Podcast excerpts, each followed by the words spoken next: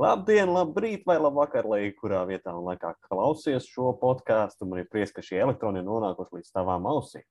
Šī epizode būs ļoti, ļoti īpaša, bet pirms mēs turpinām, gribu atgādināt, ka apskatot uzlādēts veikalu, veikals.uzlādēts.lv, jūs varat iegūt vislabākās uzlādes stācijas par visizdevīgākajām cenām. Atgriežoties pie paša podkāsta, mums šoreiz ir īpašs viesis. Tas ir Konrāds Henšmits no Gridio, un uh, viņi šobrīd ir izlaiduši beta versiju, lai varētu ļoti, ļoti izdevīgi lādēt jūsu elektroautorātu. Cilvēki, kas nesaprot angļu valodu, man jūs drusku ir jā, jāapbēdina, jo šī intervija notiks angliski. Hi, Conrad. Hi, Carlis. How are you? Yeah, I'm doing fine. It's now thunderstorm outside, but since I'm inside, it doesn't matter. How are you?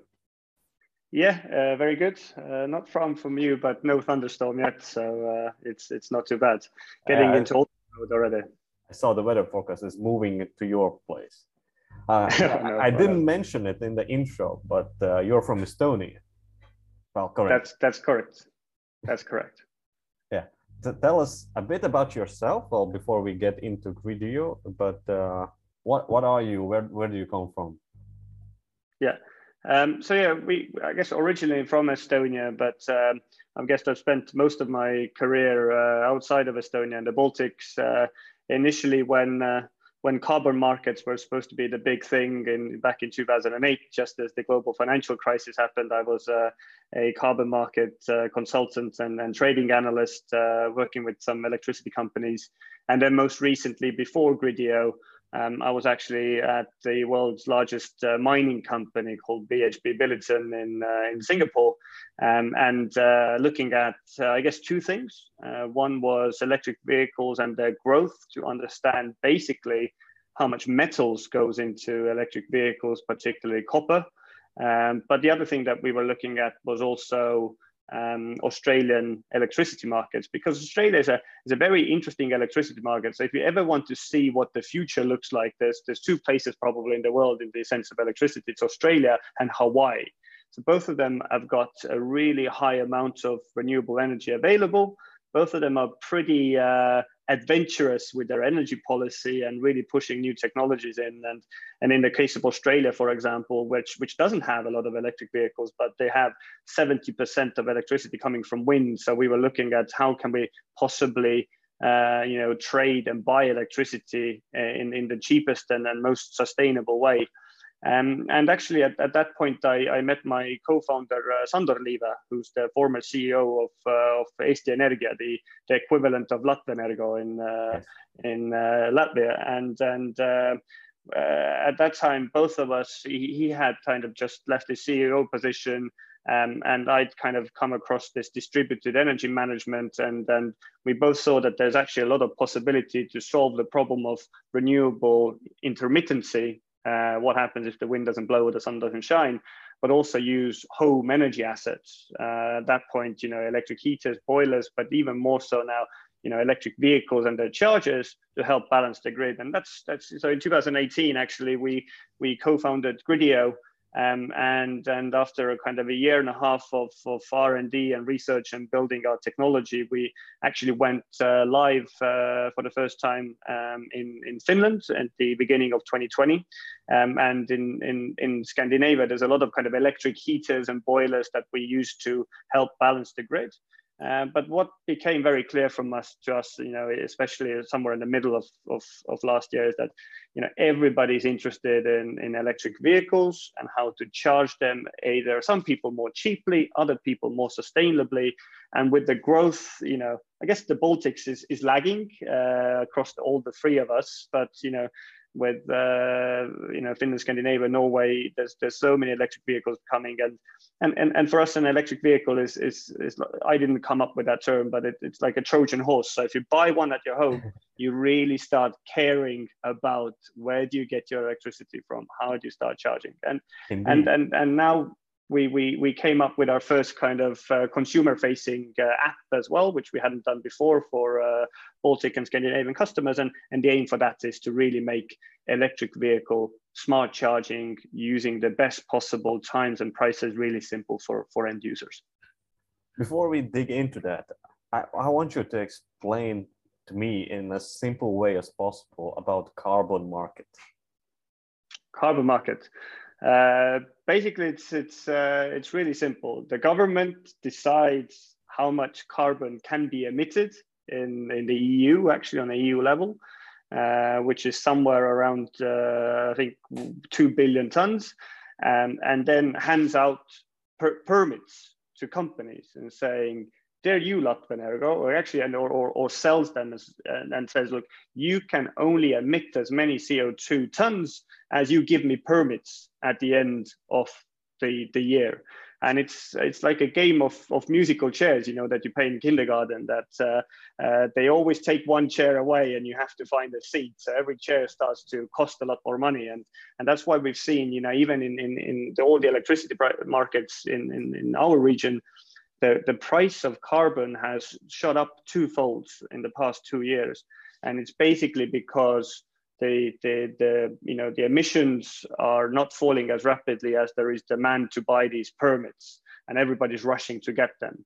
And, and that's also affecting electricity prices a lot.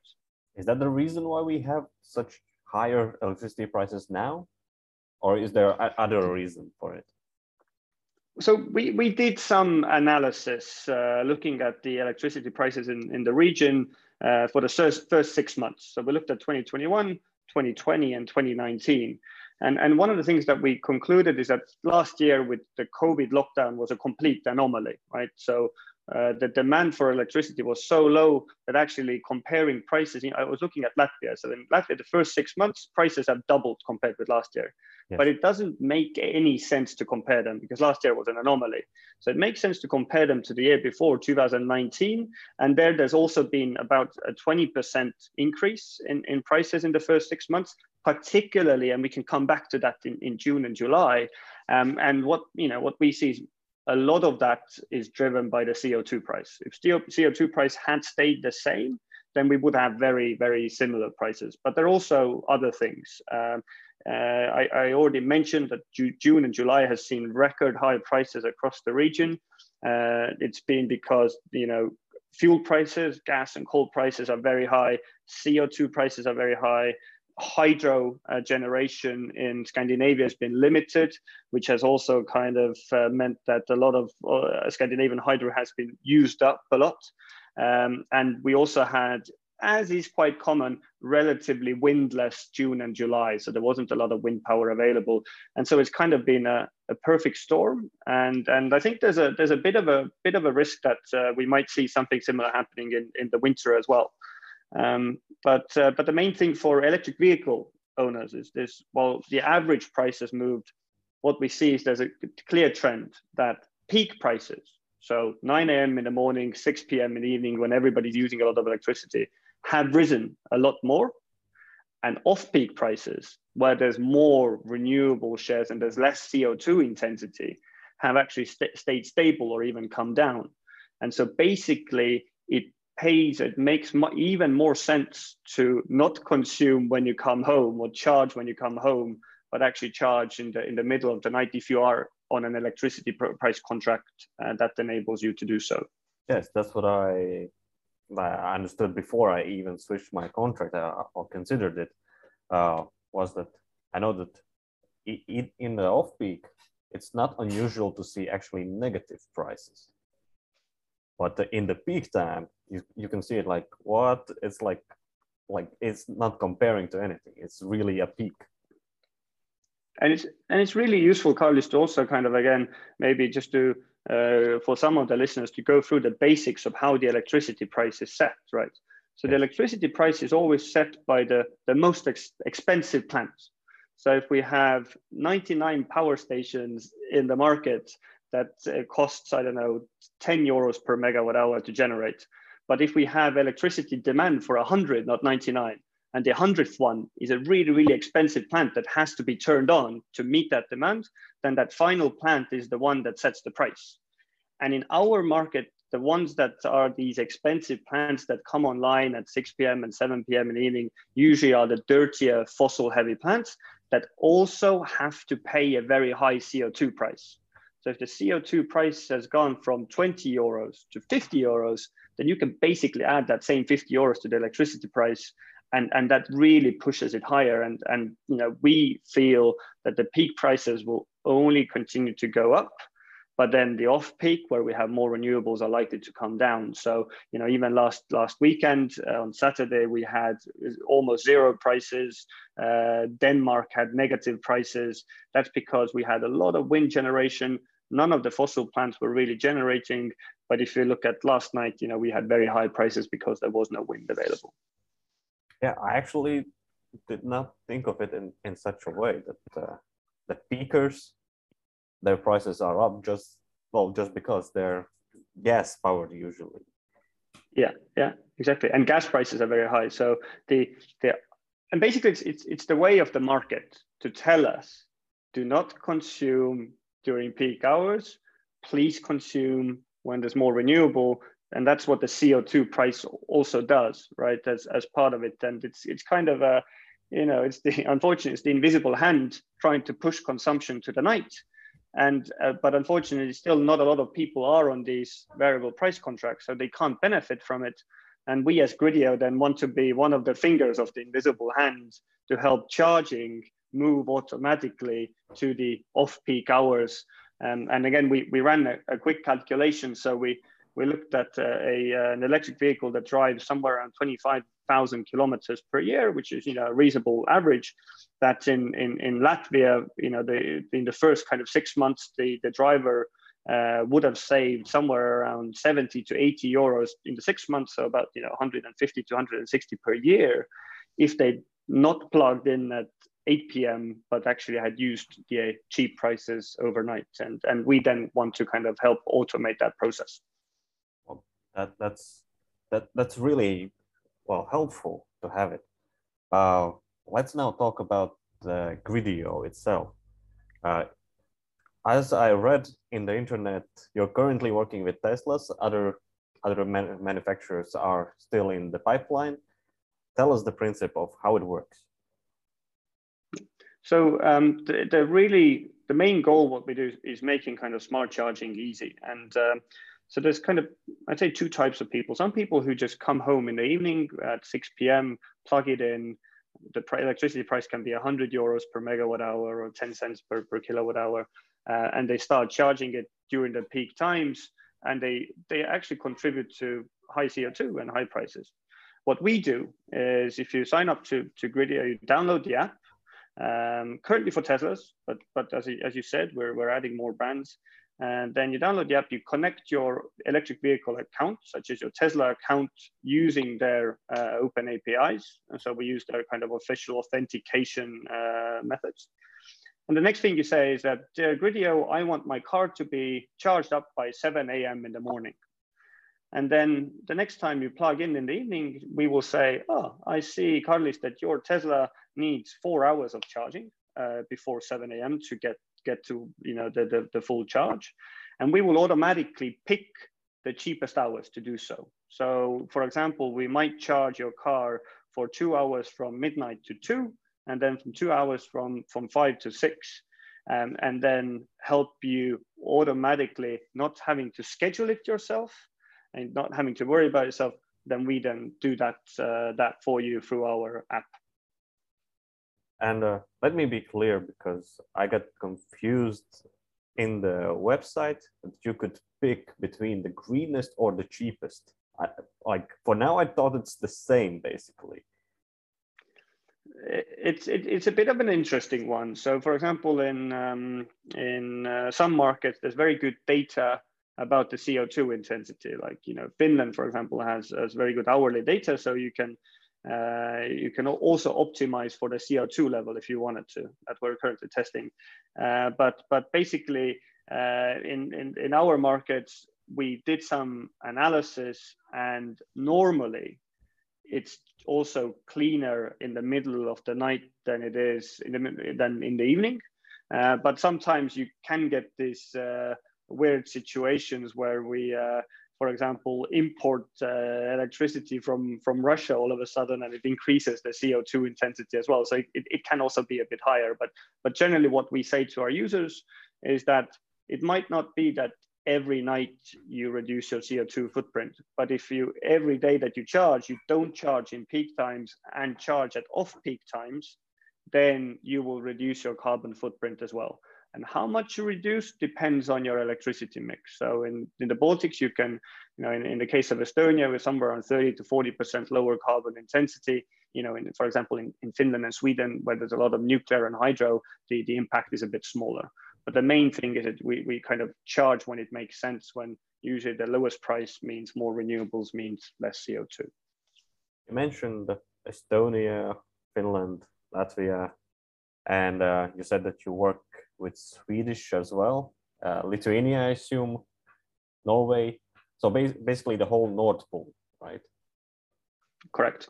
And uh, as I understood, you've done some analysis. And what, what can you say, like, how's the electricity market looking? Well, not, you said the EVs were lagging, but how's the electricity market for Baltics looking?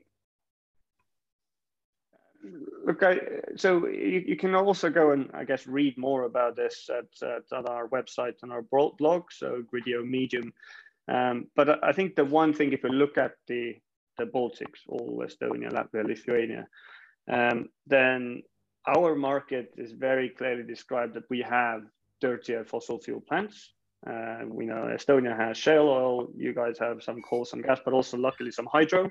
Um, and we do see instances when electricity prices can get very high.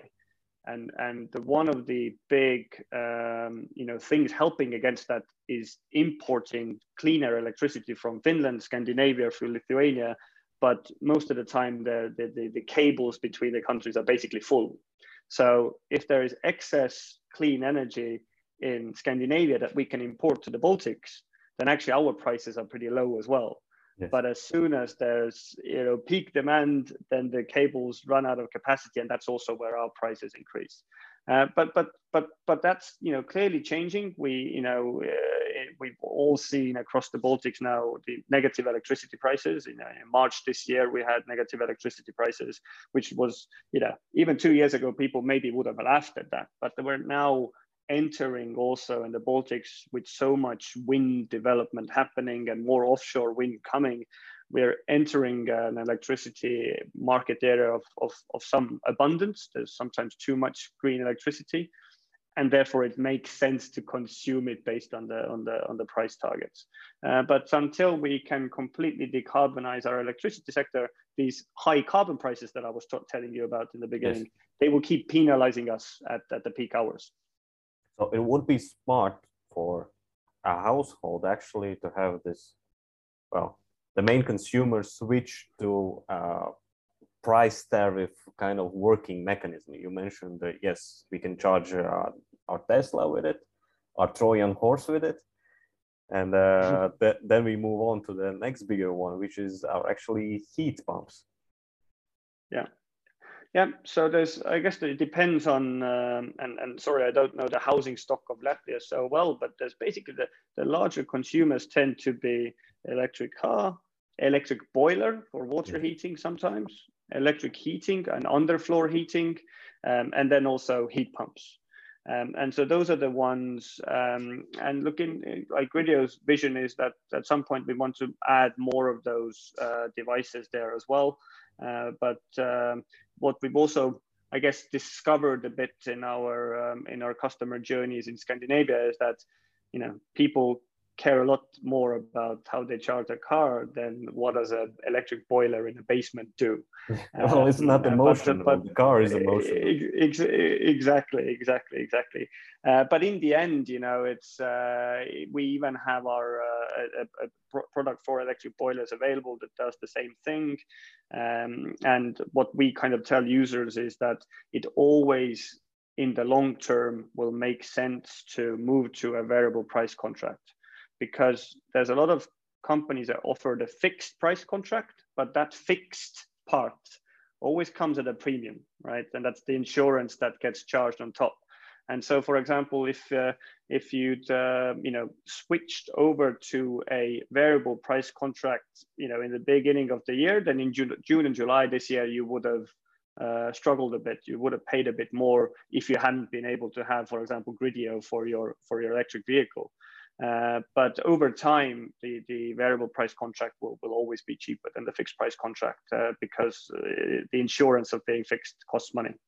Actually, I can uh, comment on this one because I recently switched in my countryside from a fixed contract to uh, to this variable contract, and they the reason I did was because they changed our pricing for the fixed contract. Till now it was like, okay, I could earn maybe a euro or two in a year. Why would I bother? Then now they changed like, okay, now you're gonna pay almost uh, 10 cents per kilowatt hour in our fixed. And I'm like, no, no, no way. Whoa, whoa, yeah. Yeah, and I'm and then I switched to the market thing, and uh, this the last month, July, it was the most expensive electricity we've seen so far, and it was still cheaper than the price offered. Wow, wow. There you go. There you go. Because in the end, you know, the electricity companies, they will still buy the electricity from the market. So at some point, they will pay that market price over the long run anyway. Yes. Um, and if you're smart about the consumption, you know, an electric vehicle, if you charge it at home, that's somewhere around, you know, 4,000 kilowatt hours you're smart about it, you can move a big chunk of your electricity consumption to, to cheaper hours. So, you know, what we see is that I think in the month of July, uh, the, the average price that uh, our users would have had was, I think, nine cents per kilowatt hour. Um, and we brought it down to somewhere around six cents per kilowatt hour in, in Estonia and Finland, oh, that, uh, just by smart charging. Like 30% yeah, yeah. off. Bam. Exactly. Exactly, exactly. And you can go and then start uh, collecting money maybe for the Tesla full self-driving mode or something, basically. Exactly. Saving money for, I don't know, Tesla stocks or whatnot. yeah, yeah, yeah, yeah, yeah, that's right.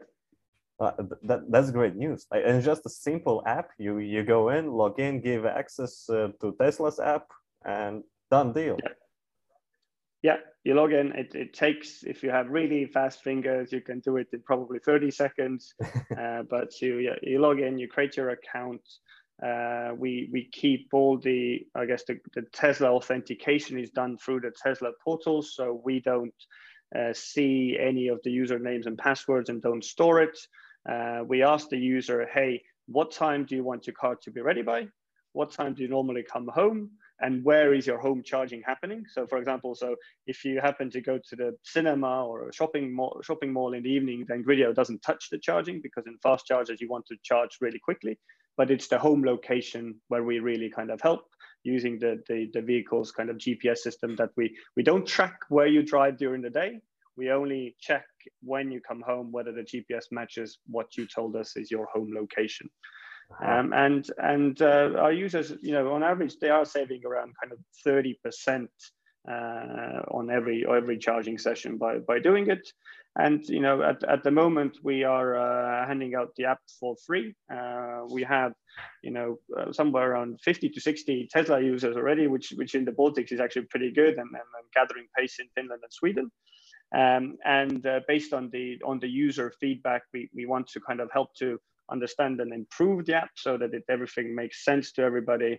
Um, and then over time, our long-term vision is that if if we can uh, basically make charging free uh, by moving the capacity of charging around so that the grids get saved and then more renewables gets consumed and then also the customer feels part of the of the energy transition journey so uh, that is that is kind of our goal that we're, we're doing so uh, we're really uh, yeah inviting people to try it out.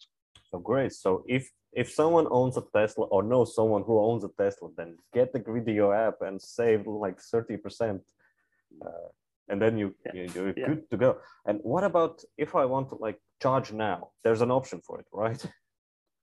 That's right. That's right. So uh, if you if you come home at, at, at 4 p.m. and then the Gridio starts optimizing and says, "Hey, you should charge at 2 a.m. in the night," But if at 8 p.m. in the evening you discover that all of a sudden you had to drive to another city, uh, then you can quickly open the app and press that stop smart charging for the next 24 hours.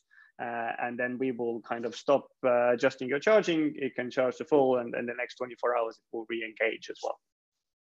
Awesome. And uh, what about those guys that own solar? Um, so we're currently working uh, with uh, testing some solar integrations. Um, so um, the, the main, a lot of people, I guess, who have specialty Teslas have solar panels on the roofs as well. And one of the quite annoying things can be if, if you have so much sun that your house can't consume it and you otherwise export it, which which doesn't make economic sense, then then people also have to manually turn on their Tesla charging. Uh, we also want to help with that. So um, currently we, we have started uh, working integrating Fronius uh, solar inverters, but as the other inverters also open up their APIs, and then we plan to also release a, a solar charging feature uh, probably more in time for the next sunny season. We're probably going to be just testing it, and and the idea there is that uh, you know if you are at home, your roof is generating solar that uh, your house can't consume, then automatically we will also turn on the charging, so you don't have to worry about it, and that and helps you also to I guess increase the payback of your uh, solar panels, but also uh, reduce the, the charging cost of your car. So even for, if for some reason prices are really expensive in the market, but you have extra sun, then you should always use that sun, right? Of course, of course. And uh, currently it's Tesla owners, later on others with an API. What if I own a really old EV that doesn't have an app? Is there a solution from you guys? Yeah, so um, actually, what we are also working and and uh, we're working with um, with some energy companies to also bring to a market a solution that works through the charger. Uh, so uh, you know, if you have a really old electric vehicle, but you can still uh, buy a charger that has an internet connection and connect that uh, to smart charging. Uh, it's also also possible to do, and, and then it's more about you know making sure that we know how much charging your vehicle needs. But generally, the trend that we see is that you know most vehicles are increasingly opening up their their APIs, uh, which enables to offer this kind of smart charging service. But for those who who either don't want to connect their car uh, or for example, their car API is not that great. So for example, with the older Nissan Leafs, um, you know, we, we have been testing the solution with the, the Leafs as well, but you know, anytime we make any adjustments, you have to log, log back into your Nissan app, which is really annoying. So uh, for, for example, all, all, the Leaf owners doing it via the, the charger makes, makes more sense and, and the, the system is the same. Uh, what time do you have to have your car ready by in the morning? How much charging do you need? and we will allocate it automatically to the cheapest hours. Well, sounds great. It's a perfect solution for EV owners that actually do care about both environment and their wallet. Absolutely. You you couldn't have said it better. Well, and you have a Facebook page. Do you have an Instagram page?